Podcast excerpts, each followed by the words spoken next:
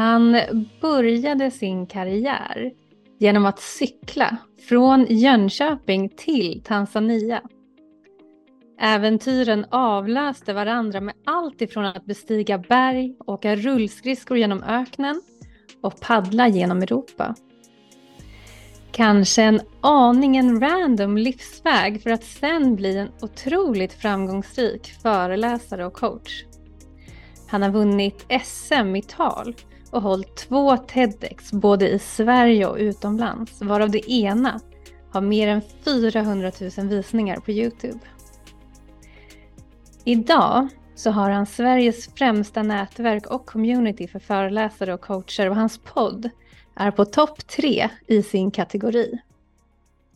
Han är en ödmjuk ledare som gärna hyllar och lyfter människor i sin omgivning. Och trots all sin framgång så är han ständigt öppen för att lära sig något nytt av människorna han möter.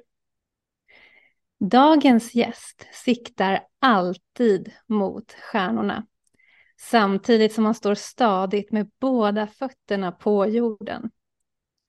Varmt välkommen till Miljonpodden, Jonathan Ljungqvist.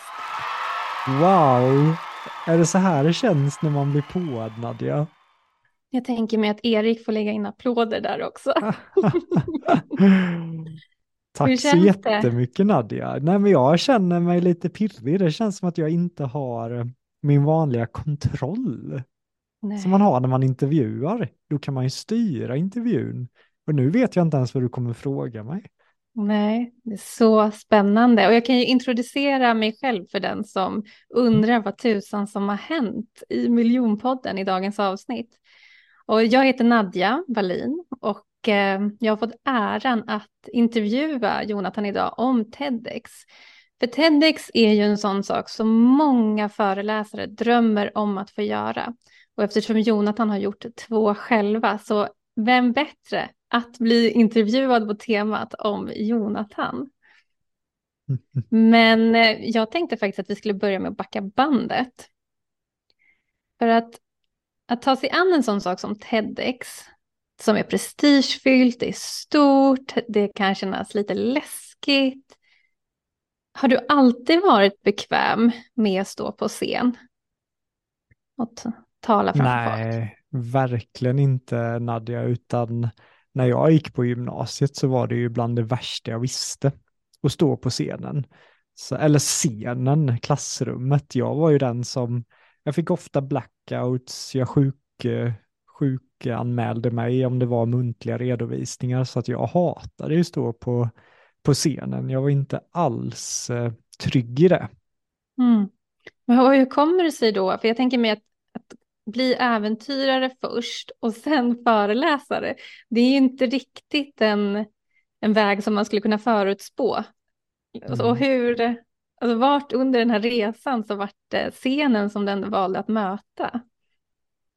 Ja, men det var så häftigt ändå, för jag hittade, när jag hade James i morse så gick jag upp där i vanlig ordning och James drog ur en, eh, en liten kartong och i den kartongen så hade jag och Amanda samlat mycket brev och så som vi hade skickat till varandra när vi var 17, 18, 19 där. Och jag hittade ett brev i morse som jag själv hade skrivit till Amanda. Måste varit 17, 18 och i det brevet var det väldigt, väldigt filosofiskt att eh, jag ifrågasatte väldigt mycket det här vanliga, att, eh, att ha ett jobb man inte brinner för, att jag skrev att jag jag vill hjälpa människor, jag vill någonting mer. Jag vet inte vad den Amanda, men någonting. Det känns som att jag, jag ska göra någonting stort för andra, men jag har absolut ingen aning om, om vad. Det var så häftigt att, att läsa det brevet och hur, hur filosofisk jag var redan på den tiden. Men, mm. men jag hade inte så mycket val. Jag menar, det var en lärare som sa att jag hade, jag hade en form av dyslexi, så jag var dålig på att skriva. Jag hade kassa betyg på bygggymnasiet. Jag var typ sämst på bygggymnasiet och jag hade svårt för att tala, så det universitetet, nej, nej, det, det finns inte på kartan att jag skulle fixa ett universitet om jag knappt fixade bygg. Så det var ju först när jag läste Göran Kroppsbok som jag kände att, eh, hmm, äventyr, det enda jag är bra på det är ju jag har pannben, jag är väldigt bra tränad och jag kan pusha mig själv. Där har jag ju någonting att gå på. Så att det var tack vare Göran Kropp att jag blev intresserad av, av äventyr och, och att han då var föreläsare förstod jag ju. Det var ju då mm. jag kände att mm. okej, okay, men jag måste lära mig det här på något sätt. Så det var så det började. Det fanns, alltså det fanns en förebild helt enkelt, någon som redan en... äventyrade och snackade om det. Precis, det var ju Göran. Kommer du ihåg honom Nadja? Nej, nej.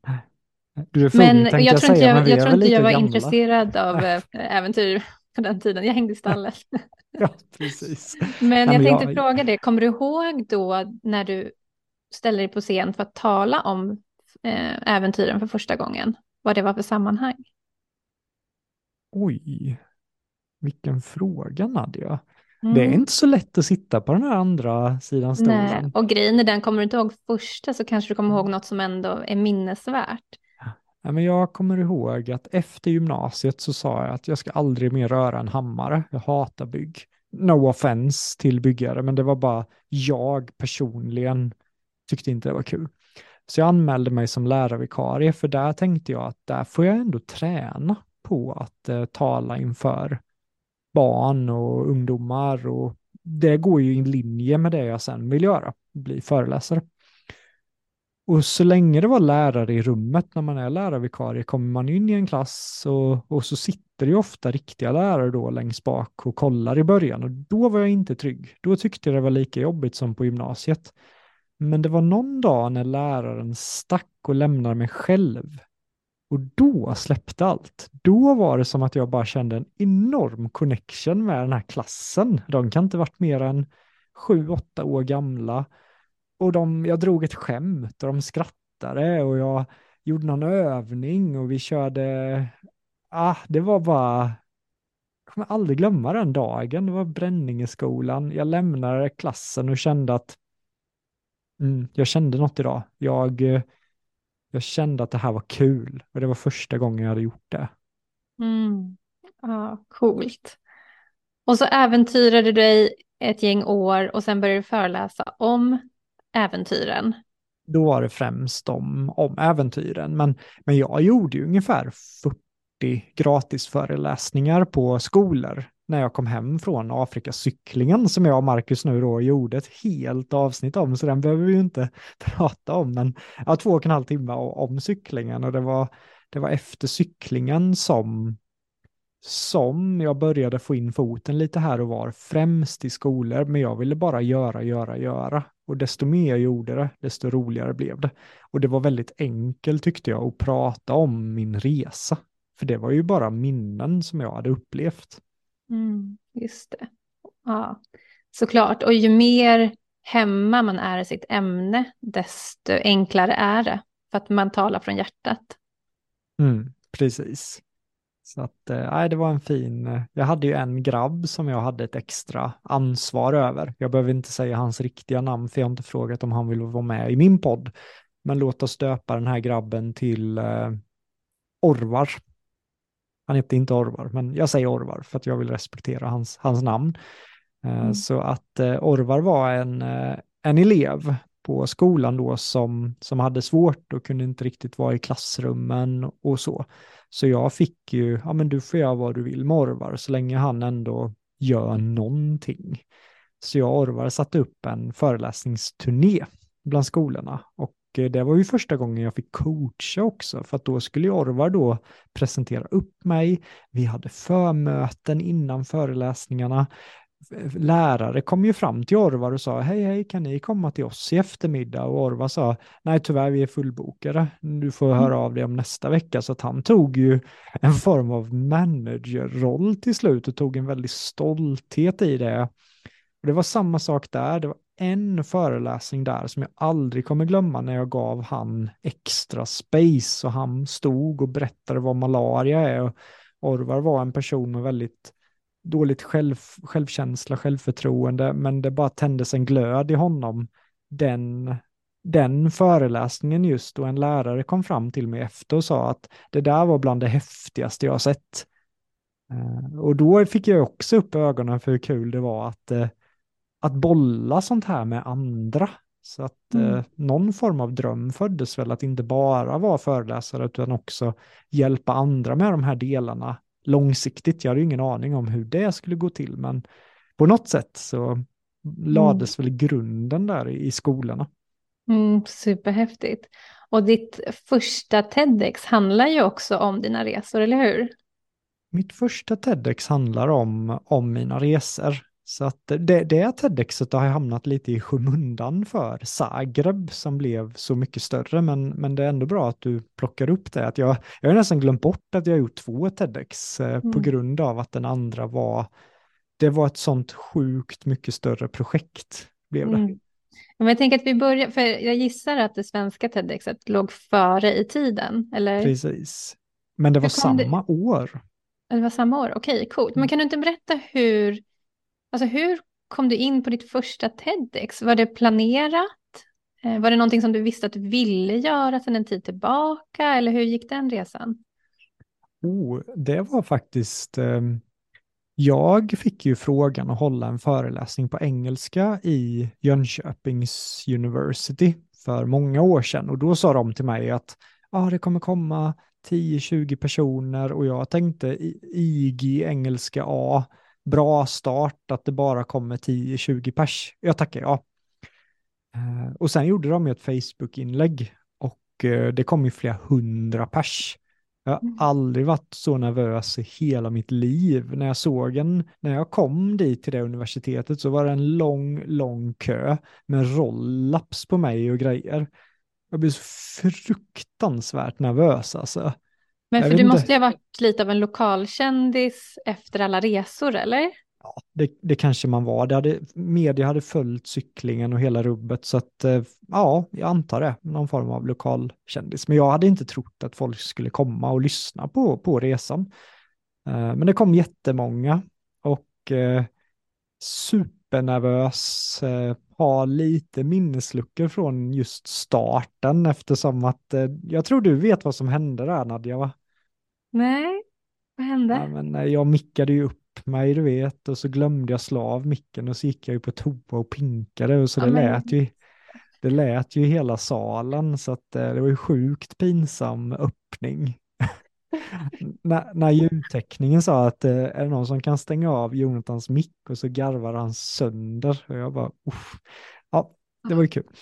Men hur, han, men hur tog, du, hur tog du dig samman liksom? Jag tänker mig att många hade gått hem bara. Ja, men jag tror det som var skönt med det var, då tänkte jag att det kan inte bli värre. Nu, nu, är jag, nu har jag nått botten, nu kan det bara bli bättre. Så att på något sätt var det typ skönt, för jag kände mig helt uppgiven, att jag är, jag har redan failat nu, men nu låt mig ändå testa.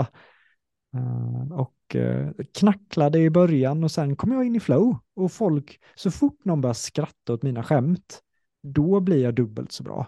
Mm. Eh, Och det var det som hände den föreläsningen, att det var så många internationella personer och jag hade ju rest så mycket så att jag, jag connectade ju, det var ju några från Sudan till och med, det var några från Wow. Kenya och jag kunde ju prata swahili så att det blev ju en, en fantastisk connection under den presenta- presentationen och i publiken så satt det en person som sen då skulle börja jobba för TEDx Lund. Så det var tack vare att han såg den föreläsningen som han sen då hörde av sig många, många år senare. Eh, Och, och på tal om att ibland bara säga ja. Och den Mm. föreläsningen, jag tror jag fick 1500 eller någonting, men jag sa ja. Och hade jag inte gjort det hade jag inte gjort mitt första TEDx. Eh, För det var tack vare att han satt i publiken och sen frågade han mig rent av bara att vi, vi har koll på dig, vi skulle gärna vilja att du kör någonting som i Jönköping, inspiration, cyklingen, vill du komma till TEDx Lund och, eh, och göra det? Wow, alltså vilken, vilken grej. Men var det, men var det klart då? Alltså, då du fick inbjudan så var det klart. Du behövde inte göra några fler tester. Nej. Nej, okej. Vilket är väldigt ovanligt, för ofta Mm. behöver man ju, alla andra behövde ju säkerligen ansöka. Man skickar in, man kommer att göra en form av audition och hela rubbet. Men jag blev ju mer eller mindre headhuntad för TEDx Lund. Mm. Så att Ja, eh, jag, ibland, gillar, jag eh, gillar de här elementen, jag måste plocka upp det ändå. Att så här, det går åt helvete i början. Du vill inte föreläsa för så många personer. Du är inte bekväm med engelskan. Men du kör, du kör, du kör, du kör. Och så blir det en så sjuk, vad säger man, reward på det. Alltså, det var, du fick verkligen tillbaka för att du vågade fortsätta även fast det var obekvämt. Ja. Jag tycker det är många ger nog upp när det blir lite för läskigt eller att man skäms eller så. Mm. Jag är väldigt glad att jag sa ja och eh, väldigt stolt över att jag inte svängde av när jag såg den långa kön till den mm. föreläsningen. För det coola med den föreläsningen, nu får jag gåshud, det coola med den föreläsningen var inte att jag fick mitt TEDx, det coola med den föreläsningen, det var att Alexander Morad satt i publiken också.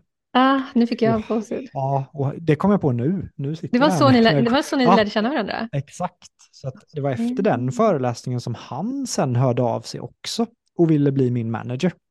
Mm. Mm. Det var så vi kom i kontakt med varandra. Det var via den föreläsningen. Och, och nu det... är ni supernära vänner. Ja, ja, ja, han är min stora förebild och vi jobbar och vi pratar varje dag och jag menar det var mycket, mycket större för mig än ett TEDx att få Morad som polare i den åldern. Mm. Men det var samma sak där. Morad hörde av sig typ tre år senare än vad föreläsningen Jaha. var. Ja. Okej, ja, spännande. Man vet aldrig vilka dörrar man öppnar, men man måste våga ta platsen. Mm. Supercoolt. Och kan vi, innan vi kikar vidare på ditt nästa TEDx, kan vi prata lite grann om TEDx som organisation? Alltså vad är det ens? Och varför har det blivit en sån prestigefylld grej? Vet du det? Alltså det har väl när någonting får mycket hype och uppmärksamhet som, som TEDx. TEDx är som lillebror och lillasyster till TED. Så att hålla ett TED-talk är ofta de absolut bästa föreläsarna i världen eller personer som har uppfunnit revolutionerande saker och det här hålls någon gång per år i, i USA. Och det är där Tony och de här föreläser, så det är en väldigt stor skillnad på ett TED-talk och ett TEDx-talk. Ett TEDx-talk kan egentligen, jag skulle ju kunna anordna ett TEDx här i Furusjö, men det är sjukt mycket som ska gå igenom så att TEDx är som en franchise kan man ju säga som finns runt om i hela världen.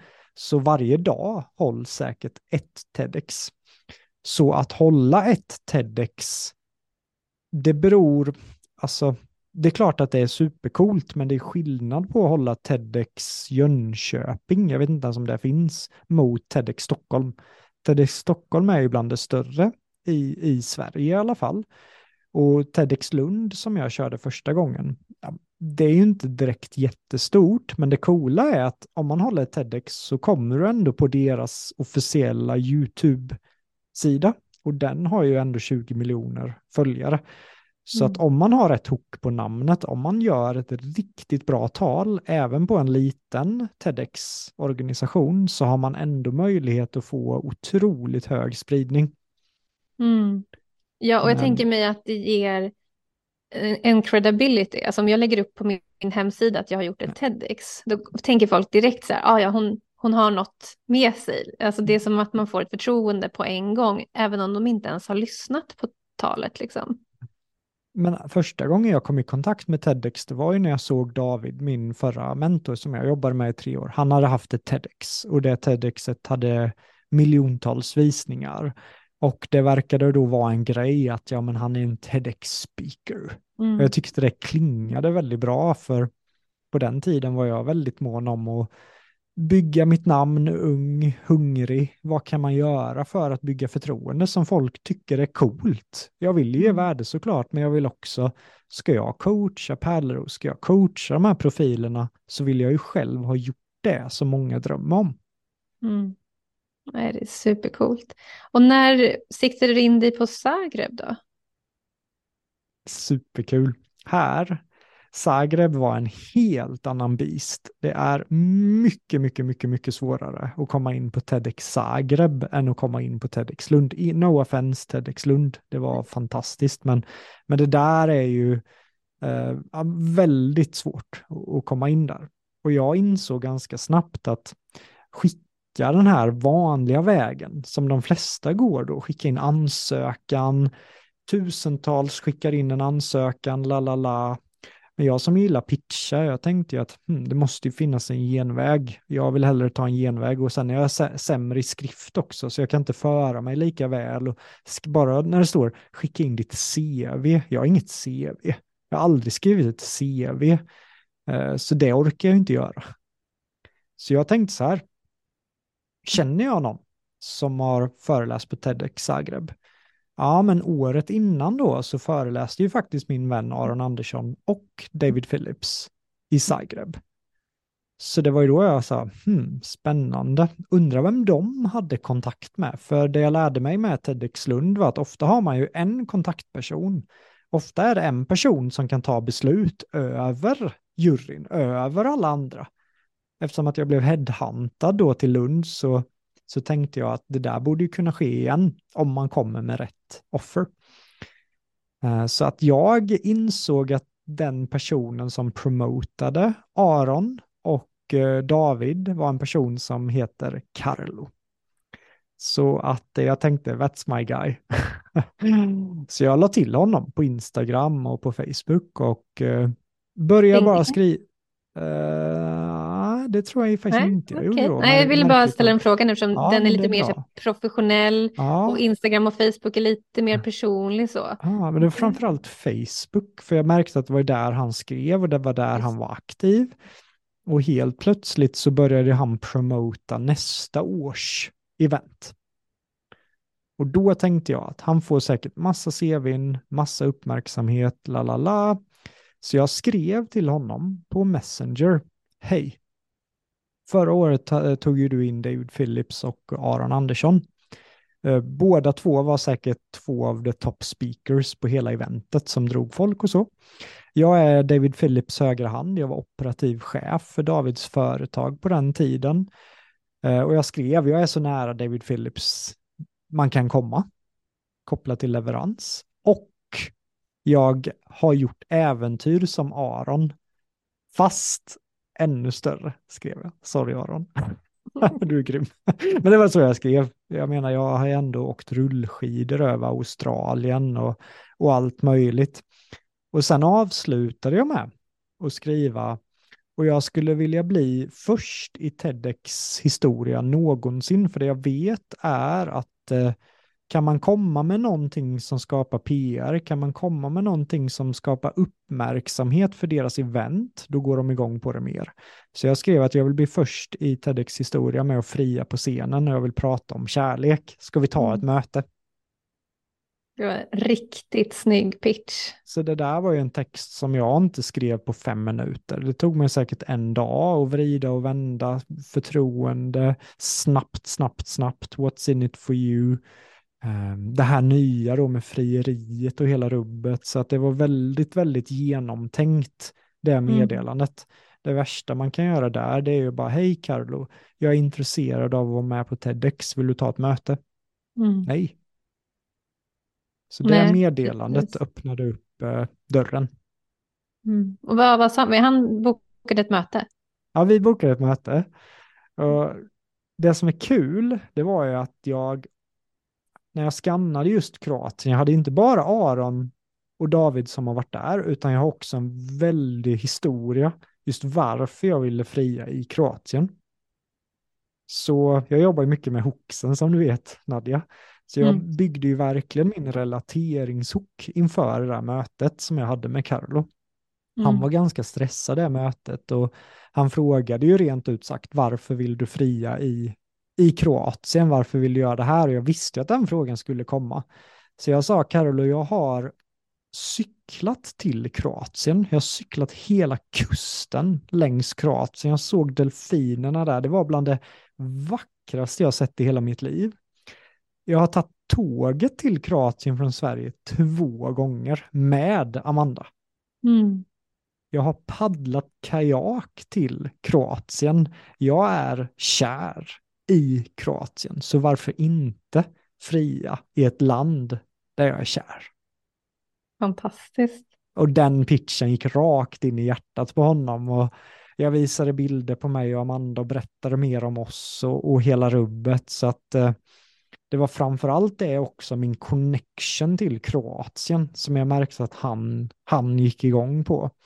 Och sen hade han ju massiv respekt för David framförallt. Mm. Massiv respekt. Så att, att jag var operativ chef där, självklart att det påverkade. Mm. Att de letar ju efter tal som bryter igenom. Mm. Så är det ju. Och han, han såg väl i mig att en person som inte kommer göra publiken besviken. Nej.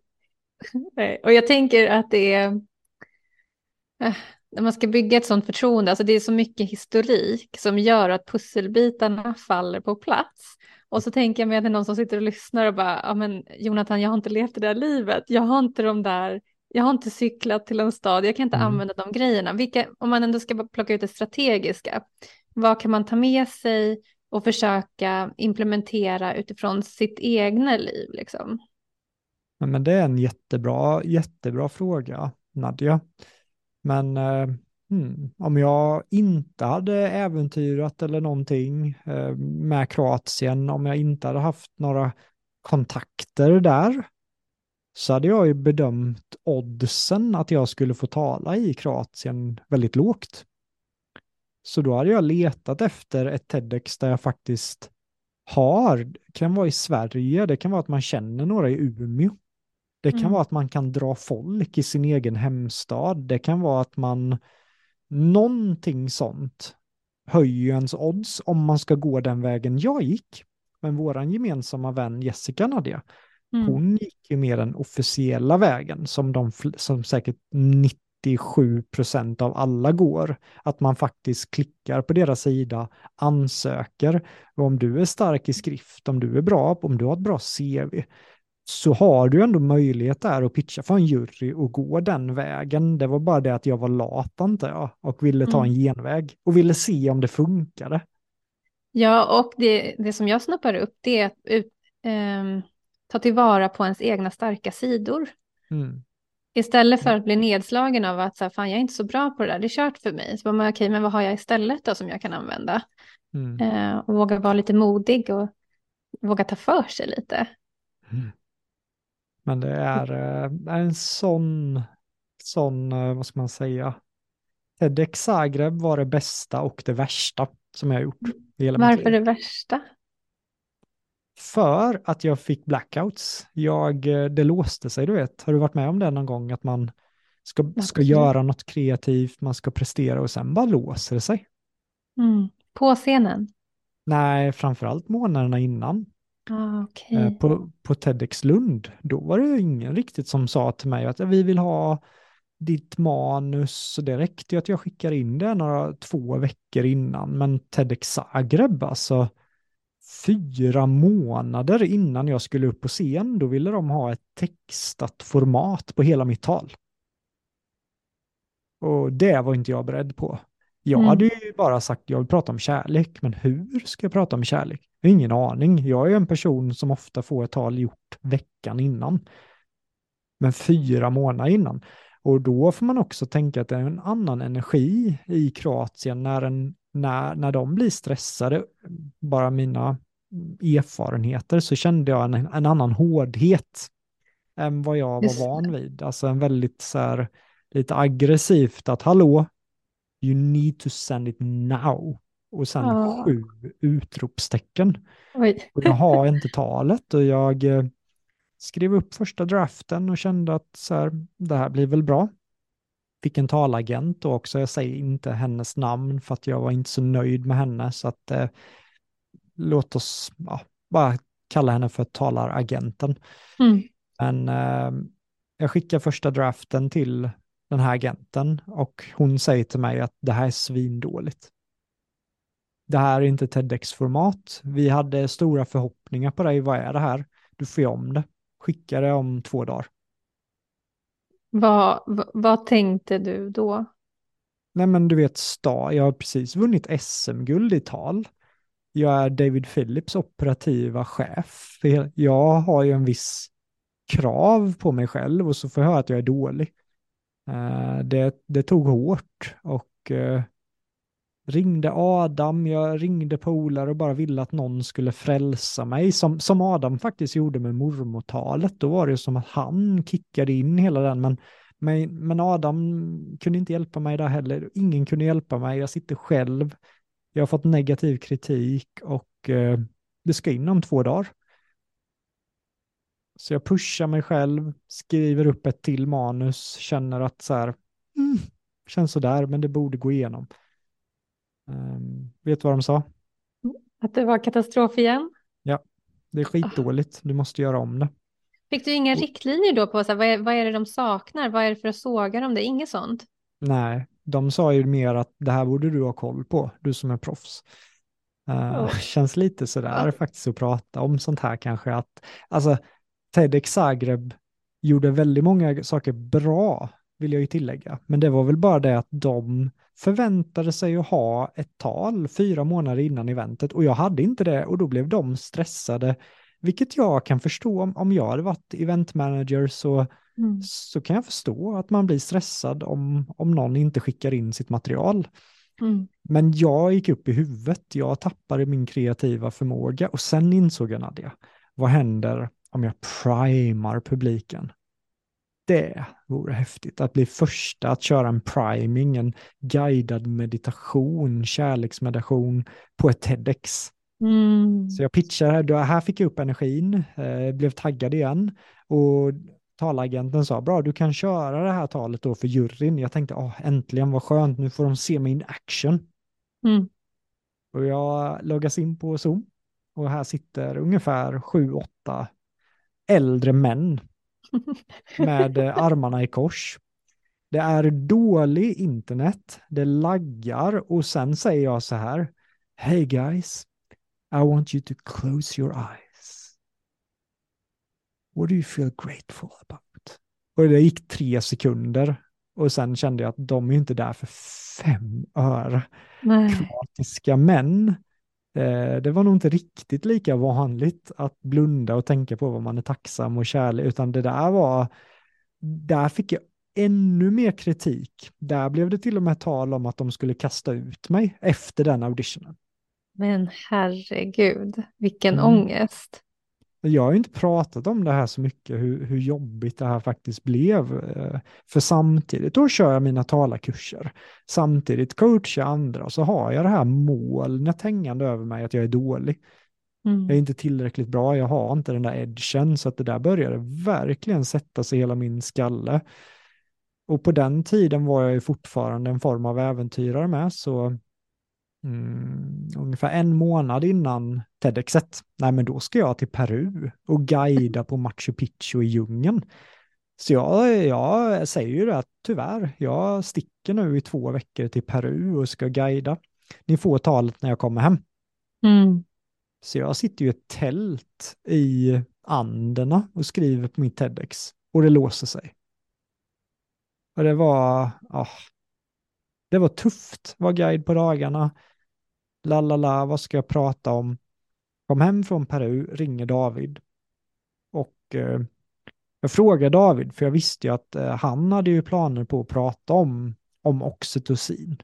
Mm. Till exempel. Så jag ville inte riktigt egentligen, jag visste att får jag prata om oxytocin, för jag och Amanda hade gjort ett projekt där, det vore bra, men jag ville mm. också mm. respektera att ja, men det hade jag ju lärt mig av David, det vill jag inte riktigt ta det ämnet, för det är Davids tänkte jag.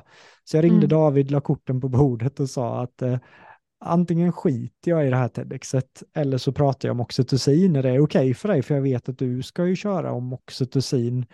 Och David, den eh, brodden, han sa ju att eh, självklart kör du oxytocin. Herregud, jag kan ju köra på den här vinkeln och kör du på det. Och det mm. kommer jag vara evigt tacksam för det här är ungefär tio dagar innan TEDxet. Mm. Eh, och då, så fort David sa ja på oxytocin, då klaffade det. Då kom ju det som var hela ursprungsplanen att, att tala om. För jag och Amanda hade gjort ett oxytocinprojekt i vårt förhållande som hade gjort att vi hade blivit mycket, mycket tajtare. Så att eh, oerhört tacksam över att David inte hade den stoltheten själv, att nej, ingen annan får prata om det här, utan han gav mig det, det spacet, även om det var han som hade lärt mig om oxytocin. Mm. Nej, men fint att vara så generös och inte, Ja, det är ju liksom, ingen äger ju ett ämne egentligen. nej, men på något Men- sätt så kände jag ju ändå att eh, jag, eh, jag, mitt jobb var ju egentligen att promota honom och det var det Mm. jag gick igång på. 2019 var jag så committad hos David att jag tänkte att här kommer jag jobba tills jag är pensionär så det var viktigare för mig då att David lyckades än att jag själv lyckades. Mm. Därav ville jag inte prata om saker han pratar om på TEDx. Nej. Nej, jag fattar. Men det blev ett helt fantastiskt tal.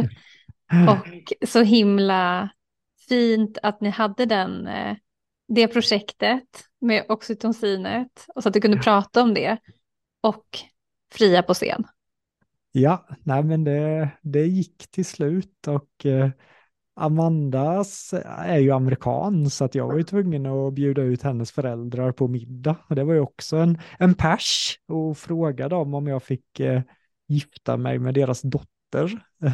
Så att det var så många olika steg hela Men tiden. är det här fortfarande då så tio dagar innan? Ja, men det är i de vevorna när allt det här snurrar i skallen och hela rubbet. Och sen helt plötsligt säger Amanda att hon skulle ju med till Zagreb såklart. Och så sa hon att har jag tappat bort mitt pass?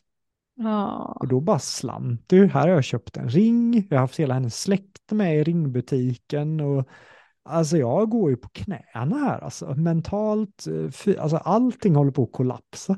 Och så har hon tappat bort sitt pass och jag tappade ju fullständigt och typ började vråla bara helvete. Och då fattar hon att bara, vad är det som håller på? Eh, what? Så här har du aldrig reagerat. Men vi hittade det där passet, flög ner till Kroatien och eh, kvällen innan så satte jag talet för första gången. Och där är det viktigt att det tajmas på exakt 18 minuter, annars kan du bli diskvalificerad och inte vara med på deras YouTube. Så det var först kvällen innan som jag satte talet. Åh, vilken stress. Alltså, hur, ja, vilket halvår eller fyra månader. Ja, alltså det var mm, en resa alltså. Visst att jag tog en genväg med att pitcha in mig själv, men jag fick också en käftsmocka tillbaka. Eftersom Mm. att hade jag gått den vanliga vägen så hade ju de säkert sagt nej till mitt manus i början. Då hade jag inte ens kommit med och då hade jag sluppit den här persen. Nu, nu fick jag käftsmockan, men jag tog mig ändå igenom det. Mm. Vad, för, vad har du för lärdomar med dig från hela den här resan? Fanns det något du skulle gjort annorlunda? Alltså det jag borde ha gjort när jag varit som mest stressad, jag skulle bara åkt till Hooks herrgård, checkat in där, spaat, mediterat, tränat, sett till att sänka mina stressnivåer. För när du är stressad, pressad, då kan du inte skapa saker. Och det var det jag försökte göra i, i så lång tid. Jag försökte skapa med stress i mig. Och det gick inte. Nej, just det. Så sant. Och vad sa Amanda, vi måste ändå veta, hade hon, hade hon någon aning om att det var det här som skulle ske? Var hon helt chockad? Vad var hennes upplevelse? Nej, men i, hon har ju sagt i efterhand att hon kände på sig att det var någonting på G och sen hade ju kommit fram personer till henne i publiken som hade ju frågosatt hennes klädsel och skor. Eh, för att de visste ju att Amanda skulle upp på scenen och filmas och fotas så att det var ju så mycket signaler Mm. överallt. Mm. så att hon, hon misstänkte absolut det. Men sen vilket jobb de gjorde Zagreb, alltså det var när jag hade kört talet så det var ju ballonger som kom ner från taket och de hade fixat så att media var där och så de delarna gjorde ju Zagreb fantastiskt bra. Så att jag Mm. menar, jag tar lika gärna, jag fattar att de var otrevliga mot mig i stunder för att jag kunde inte leverera. Jag förtjänade Nej. lite själv, verkligen. Mm. Men mycket gjorde de bra också. Det är viktigt att, att säga. Mm. Fantastiskt. Ni får ju lägga länken till båda dina TEDx tänker jag i show notes så man kan gå in och klicka om man inte redan har sett. För det jag har sett, det var väldigt, väldigt fint. Ja, men tack så, Mm. tack så mycket. Det, det är ofta det när man väl ställer sig där på scenen, då släpper allt. Det är ofta innan som är själva pressen, framförallt när man är lite grönare och ny. Då, men när man väl ställer sig där, drog första hooken, då bara kände jag att det här är nedförsbacke. Mm. Ja, kan inte du säga första hooken, för den är så bra. Jag sa det. How many in here has been in love? Raise your hand. Alla räcker upp handen och skrattar. How Mm. many in here would say love can be quite complicated? Och alla började ännu mer. Mm. Och sen körde jag på. Så att jag var stolt över att jag verkligen, jag byggde TEDxet med mina egna hooks. Och det var bland det första talet som jag verkligen strategiskt byggde talet med hooksen. Och det är ett av TEDx största tal genom tiderna. Mm. Eh, Så det, jag tror det är topp fyra som någonsin som någon talare i Zagreb har, har haft. Och det närmar sig nu en halv miljon visningar, vilket är superkul verkligen. Men Super. namnet där Nadja, Mm. Det är du inte nöjd med? jo, Ah, jo, Berätta. det är det som gjorde hela grejen. Att eh, har du fel namn, det är du som får bestämma namn för ditt Mm. tal. Så för mig, how to increase love in your relationship. Love relationship, jag använder ord som många söker på på YouTube. just det. Jag valde ett ämne som väldigt många människor kan relatera till. Så att namnet var ju avgörande för att talet skulle gå starkt. Det handlar inte bara om min leverans Nej, i. TEDxet. Namnet underskattar folk. De lägger så mycket tid på sitt tal och sen när de väl ska skriva sitt namn så är det som att ja, det här blir bra. Nej, nej, lägg lika mycket tid på namnet som du gör på, på själva talet för att det är namnet som, som kommer vara helt avgörande. Namnet Mm. ska vara tydligt, det ska vara spännande, det ska vara fräscht, någonting ska hända, what's in it for you. Kollar man på Davids tal som har ett av de största TEDxen i, i Sverige genom historien, How to avoid death by PowerPoint, så undviker du dåliga PowerPoint. 18 Mm. minuter smackad med värde, klockrent namn, det är tydligt. Kollar man på hans andra TEDx, eh, The Magical Science of Storytelling. Va? Det är någonting nytt. Vadå, vadå forskning, science som story? Spännande. Så att skapa nya grejer och sätter du namnet så blir det mycket lättare att hålla riktningen i själva TEDxet. Och så tänker jag ju med podden också. Kollar vi på min, min podds mest lyssnade avsnitt, Andreas Ögren, så blir du världselit inom ditt ämne. Mm. Vi satte namnet innan intervjun och då kan vi hänvisa till det namnet hela tiden. Och då flyger det. Mm. Så Smart. otroligt viktigt med namnet. Mm. Vill du göra fler TEDx i framtiden? Eller du Absolut. Ja. Nej, men nu, jag kände att på fyra år nu, sen, det var ändå fyra år sedan som, som jag körde TEDxet. Alltså jag tror jag är tre gånger så bra på scenen. Fyra år, tusentals timmar i klassrummen, i coachning, hur många föreläsningar som helst. Eh, Så att jag har ju verkligen, jag tror jag har ett 10 miljoners tal i mig väldigt, väldigt snart. Engelskan är bättre. Eh, Jag har skapat så mycket grejer, egna grejer också, som jag själv kan förmedla genom min själ. För det här med oxytocin och hela rubbet, för mig var ändå det Davids grejer. Det var inte, det kom inte helt från Jonathan. Så Mm. att eh, absolut, jag är, eh, jag är redo. Har du en drömstad, en drömscen? Oh, det första som kom upp i huvudet var Sydney faktiskt. Oh, wow. Jag är ju mycket kändare i Australien än vad jag är i Sverige. Eh, Efter eh, rullskidsresan då från Sydney till Perth, den blev ju jättestor i, i Australien. Så Mm. älskar Australien, hade kunnat bo i Australien. Så Sydney vore riktigt coolt att, att köra i. Mm.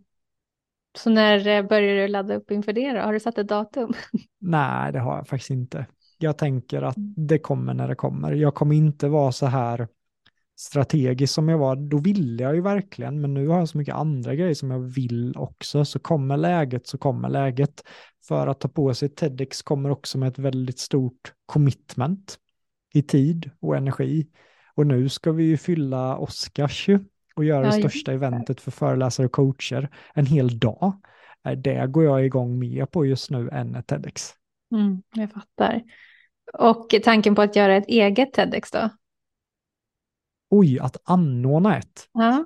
Miljon, miljon TEDx, nej det är inte din grej. Jag skulle i så fall inte, inte alltså att anordna ett TEDx, det är så mycket pappersarbete och grejer att du behöver typ committa ett år av ditt liv för att göra det och du får inte betalt för det. Nej, just det, hela TEDx är en or- ja, ideell men- organisation. Ja, pengarna går, jag vet, alltså lokal och, och allt sånt. Eh, föreläsarnas resor och hotell Ja, får man ju okej. betalt av och sådana grejer. Mm. Men eh, så jag skulle absolut inte vilja hosta TEDx, men däremot skulle jag gärna vilja hosta något form med då, ja men miljonshowen, bjuda in de tio främsta talarna från mina kurser till exempel. Och Mm. fylla upp en arena med, med det och göra det och äga den pucken mer där vi kan göra vad vi vill. För TEDx, ja du får inte prata om det här. Det måste vara 18 minuter. Jag vill inte vara så strikt mot dem jag tar in. Nej, just det. Nej, det finns rätt mycket regler hos Mm. TEDx. Och Ja. så har jag hört att om de publicerar ens tal så tar de aldrig ner det igen. Är det så? Det visste jag faktiskt inte. Det ute för alltid. Så Det det fick jag höra att man, om man känner att så här, men jag vill tala om det här, men om två Mm. år kommer jag göra det mycket bättre, så kan det vara värt att sitta stilla i båten för att leveransen är där, punkt slut. ja, men, bra tillägg och det är det jag tycker blir jobbigt med TEDx Lund. Eh, För i TEDx Lund, när jag väl körde leveransen, jag var så sjukt nöjd för att det var så mycket gapskratt. Alltså folk skrattade upp i taket. Det var sån ljudnivå i hela rummet, 400 pers. Och, och jag bara föreställde mig hur coolt det kommer vara på YouTube. Jag bara drar ett skämt, folk skrattar. Så det, jag har nog aldrig fått så mycket skratt. Men Och vad var det sen- som var jobbigt med det då? Nej, det som var jobbigt var ju att eh, micken fångade bara upp min röst. Eh, och Ah. ingenting med publiken.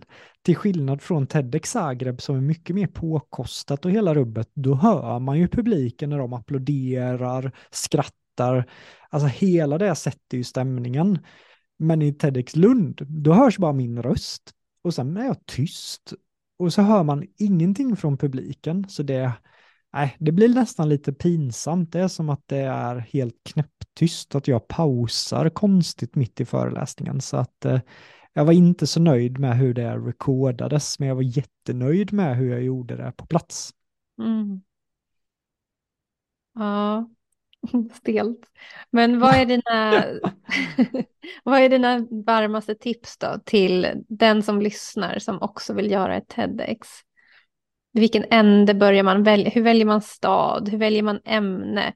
Ehm, ja, hur ska man tänka för att komma igång? Mm. Alltså, verkligen kolla på sitt egna ämne. Vi, vi, om vi kollar på ditt ämne till exempel, det är alltid lättare för mig. Pengar Mm. och relationen till pengar. Det är ditt, du vill ju hålla ett TEDx, eller hur? Ja, jag ville det förut. Jag kommer säkert vilja det igen. Men nu är det lite annat fokus. Ja, men exakt, men det skiftar. Men Ja. relationen till pengar, som jag hade varit du då Nadja, så hade jag ju kollat på TEDx. Är det några andra som pratar om pengar? Och hur pratar de om pengar? Och sen om det då är tre, fyra pers som pratar väldigt, väldigt likt det du hade tänkt, då hade jag ändrat inriktning på ett sätt som gör att du ändå kan komma med en form av ny vinkel på ditt TEDx. För Mm. det är ofta någonting som arrangörerna har koll på att ja men det här har ju redan pratats om och då är du förberedd att ja men jag vill prata om relationen till pengar kopplat till det här, kopplat till till exempel småbarnsmammors relation till pengar. Alltså hitta den unika twisten som inte har pratats om. För då blir det Mm. någonting nytt. Alla TEDx vill ha någonting nytt, någonting fräscht, någonting som inte har sagts innan och en ny dimension på det. Och sen hade jag också då kollat på om det hade varit tre, fyra som pratade om relationen till pengar, var det något av de talen som fick ett breakthrough? Eller stannar de på bara 1000, 2000, 3000 visningar, vilket de flesta TEDx gör, de stannar ju där. De flesta TEDx får verkligen inte en halv miljon visningar.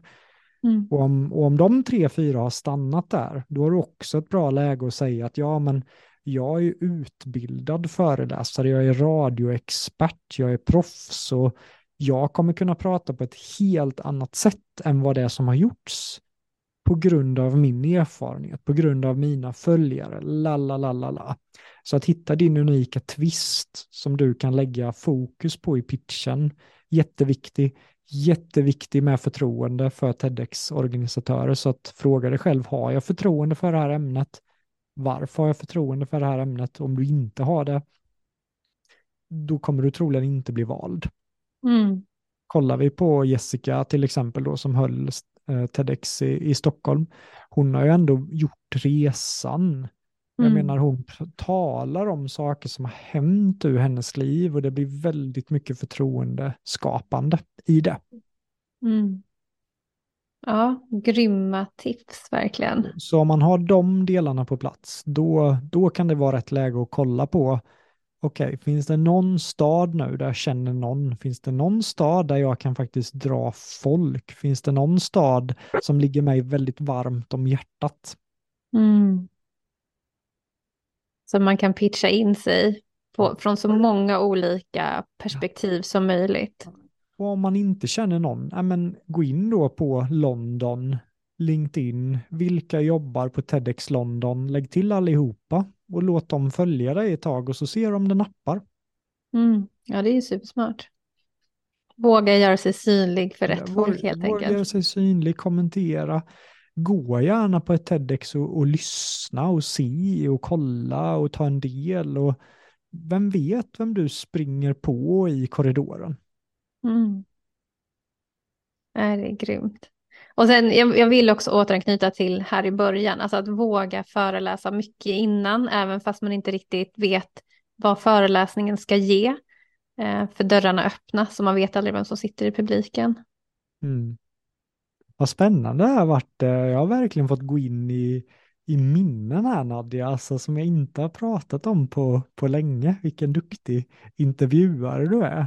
Ja, men tack. Det har varit jättefint att få höra och få ta del av ja, men väldigt personliga upplevelser av när det också har varit tufft. För det är så lätt ja, att se liksom någons digitala CV, om man kan kalla det för det, och se mm. så wow, så framgångsrik, har gjort ja. det här, gjort det här, men man vet aldrig liksom resan däremellan men det är viktigt för mig att dela, så här var det. Mm. Ja, det har inte varit lätt, utan det har varit mycket upp och ner. Mm. Ja, verkligen. Är det någonting mer som du vill lägga till eller känns det som att du har fått det viktigaste sagt? Nej, men om du har en idé på ett TEDx, alltså, om, om drivkraften är att bli känd för att hålla ett TEDx, det kommer ofta inte räcka räcka som motor till att få igenom ett fantastiskt tal med styrka, kraft, passion, för det kräver så mycket energi. Om då motorn är att jag gör TEDxet för att bli känd, då blir det tufft. Men om du har en högre mening med ditt TEDx och du kan sitta där en söndagkväll, riva håret av dig, men ändå hela tiden påminna dig om att nej men om jag lyckas med det här talet så kommer jag kunna hjälpa andra relationer med sin kärlek. Det är coolt. Mm det är värt grindet. Så att man connectar sitt ämne med något högre än sig själv. Den, den pushen behövs. Mm. Ja, verkligen. Och, och i alltså hela sin karriär egentligen. Kom ihåg mm. varför mm. man gör det när det mm.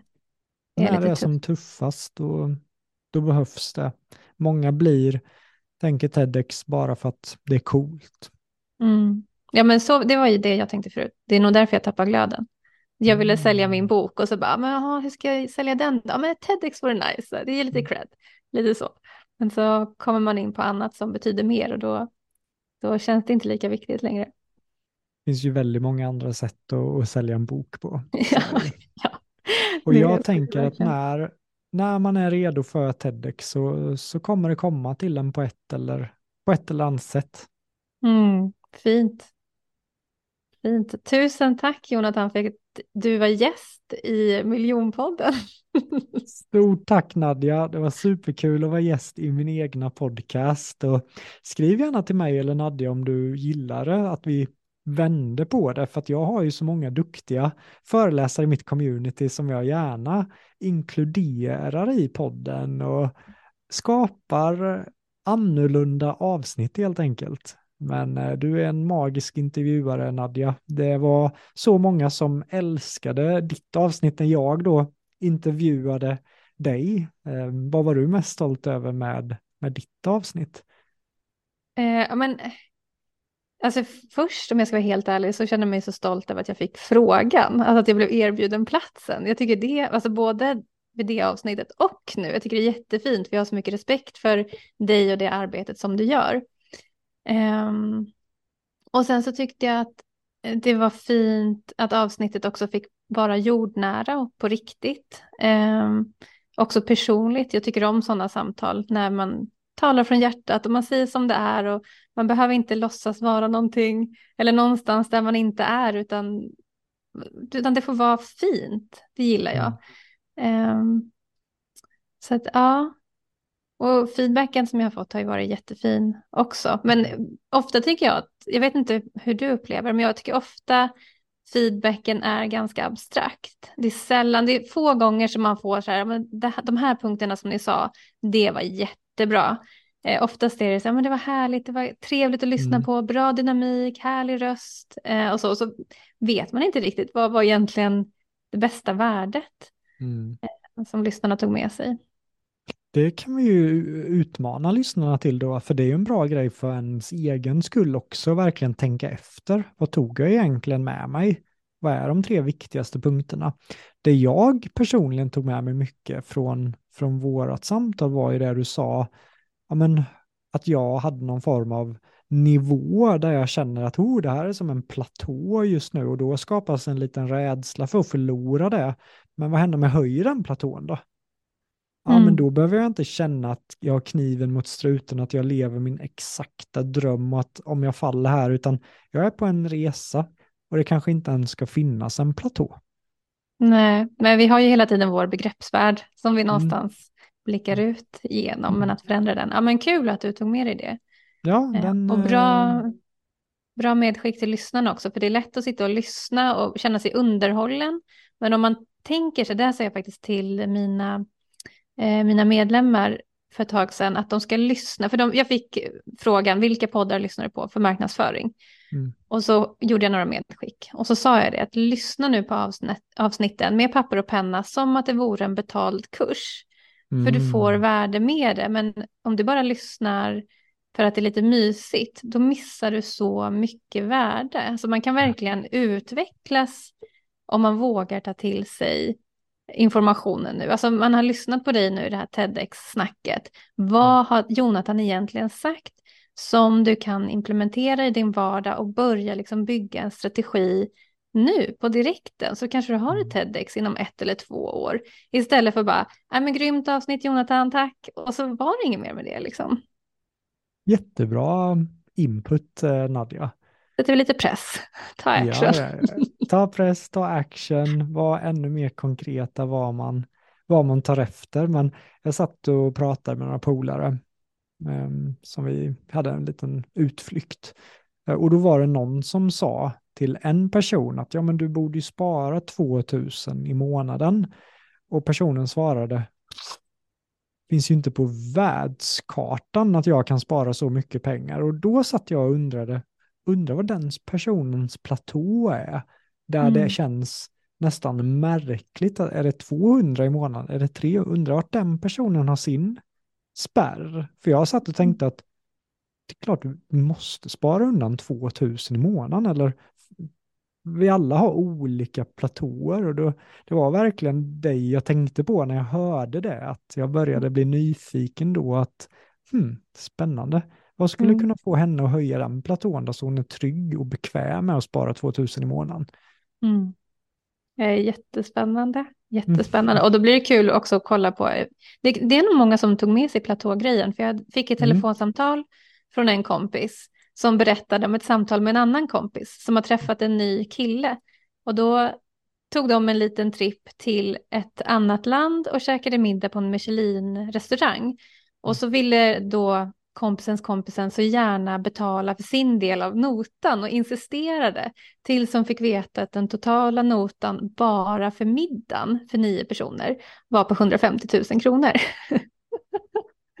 det är en annan platå. Va? Ja, Tog hon sjukt. det då? Det, jag ställer inte den frågan. Damn. Ja, det hade varit en läskig platå kan jag tycka. Ja, och, det, och då var det en casual, bara, men vi drar iväg, vad trevligt, vi umgås lite grann. Ofta man inte riktigt kollar i menyn, bara den här eh, drinken kostar 10 000. Ja, men jag tänker mig att det nog var någon avsmakningsmeny förbeställt och att man inte satt och beställde vid bordet, utan det var nog, man blev nog bara serverad. Just det. Nej, men, och, och här kommer ett sista tips då, att om, om du ska hålla ett TEDx och du gör massa poddar och du fortsätter prata om alla dina grejer du lär ut och så blir det återkommande att folk hör av sig till dig om men den där platån, kan du berätta mer om Mm. den, den här platån, den här platån. Om det blir ett återkommande mönster, hmm, är det någon annan som pratar om den där platån? Ja, alltså när jag pratar om det i din podd, då hänvisar jag till en bok där jag läste om den. Så jag tänker ju direkt att, som du tänkte, det där var Okej. Davids ämne, då Ja. tänker jag, Ja. det där är Gay Hendricks ämne. Ja, men då är det också så här, kan du hitta någon unik vinkel på det? Så som Mm. Tony gjorde med eh, alltså mänskliga behovstrappan. Han tweakade några procent åt höger, sätter ett namn på det och sen kommer Six Human Needs. Så att eh, Mm. så länge du tweakar det lite åt ditt håll så har du rätt också till att tala om det. För att all kunskap kommer ju från ett vattenfall som har spridits ut på personer som vi tror har skapat saker. Sen är det inte så, så att gör Mm. det till ditt, sätt en personlig prägel på det bara, sen go, tycker jag. Det är många som inte tycker man ska Nu blev jag taggad på bara att snickra ihop ett tal bara för att se vad det skulle kunna bli. Ja, jag hade älskat ett sånt tal. Men, men, men så brukar jag tänka kring viktiga tal, att om, om folk hör av sig och verkligen det här har jag inte hört innan, det här, då bränns det. Mm, Det är bra, där man det ska där, bygga. Mm, det där tar jag med mig från idag. Det där var ju supersmart. Ja, en eh, litet knep jag har. Mm. Hack, speaker hack. Yes. Känner vi oss nöjda? Ska vi runda av eller har vi mer? ska jag-? Jag tycker vi känner oss nöjda nu. Vi har kört lite över en timme och eh, det räcker gott och väl här att få sitta på andra sidan stolen. Nu är jag taggad. Jag ska intervjua Maru nu efter lunchen. Och Spännande. eh, det känns ändå skönt att vara tillbaka i intervjupositionen. Borta bra men hemma bäst. Ja. Men tycker du att jag skötte mig idag Nadia? Sa Fantastiskt. Ja, det? ja, det var jätte, jättefint och alltså både fint och vär- värdefullt, värdeskapande. Så det här gjorde du bra. Tack så mycket Nadia. Vill du avsluta? Eh, Och säga hej då till lyssnarna? jag brukar avsluta på något särskilt sätt. Nej, bara tack jo, för att du har lyssnat. jo, nej, nej, nu kom jag på. Brukar du fråga? Nej, gud, det kanske inte jag. Jo, men eh, du brukar fråga om något boktips eller Ah, poddtips. mm, och det sen brukar jag göra. Den inledande frågan glömde jag helt bort. Du brukar, du brukar ju fråga vad man är mest stolt över just nu. Just nu. Mm. Ja. Men eh, det jag är stolt över just nu, att eh, igår intervjuade jag ju Niklas Aronsson och eh, Sofia Hendén. Mm. Och få göra de två intervjuerna med två personer som, ja men, som jag inte har jobbat med så länge, men Niklas nu kan leva sin dröm som föreläsare. Och han gick miljonkursen i januari i år och fyllde upp scener och hundratals review, fem av fem och han ska ut på nästa turné snart och det känns så himla coolt att ha kunnat fixa det till honom på ett sätt. Och sen Sofia sitter och säger att alla hon umgås med idag har kommit från mig på ett eller annat sätt via miljonkursen och alla grejer. Och nu drar hon in hur mycket pengar som helst och bor i Spanien som influencer och hela rubbet. Och jag känner otrolig stolthet över, över mitt jobb. Och sen som många gäster också säger väldigt stolthet över min familj med Amanda Mm. och, och James och hur vi har fått ihop allting och hur mycket tid vi kan spendera med varandra. Och jag är väldigt, väldigt glad för hela situationen just nu som är. Livet har varit mycket upp och ner, men just nu är jag på en väldigt, väldigt bra plats i, i livet.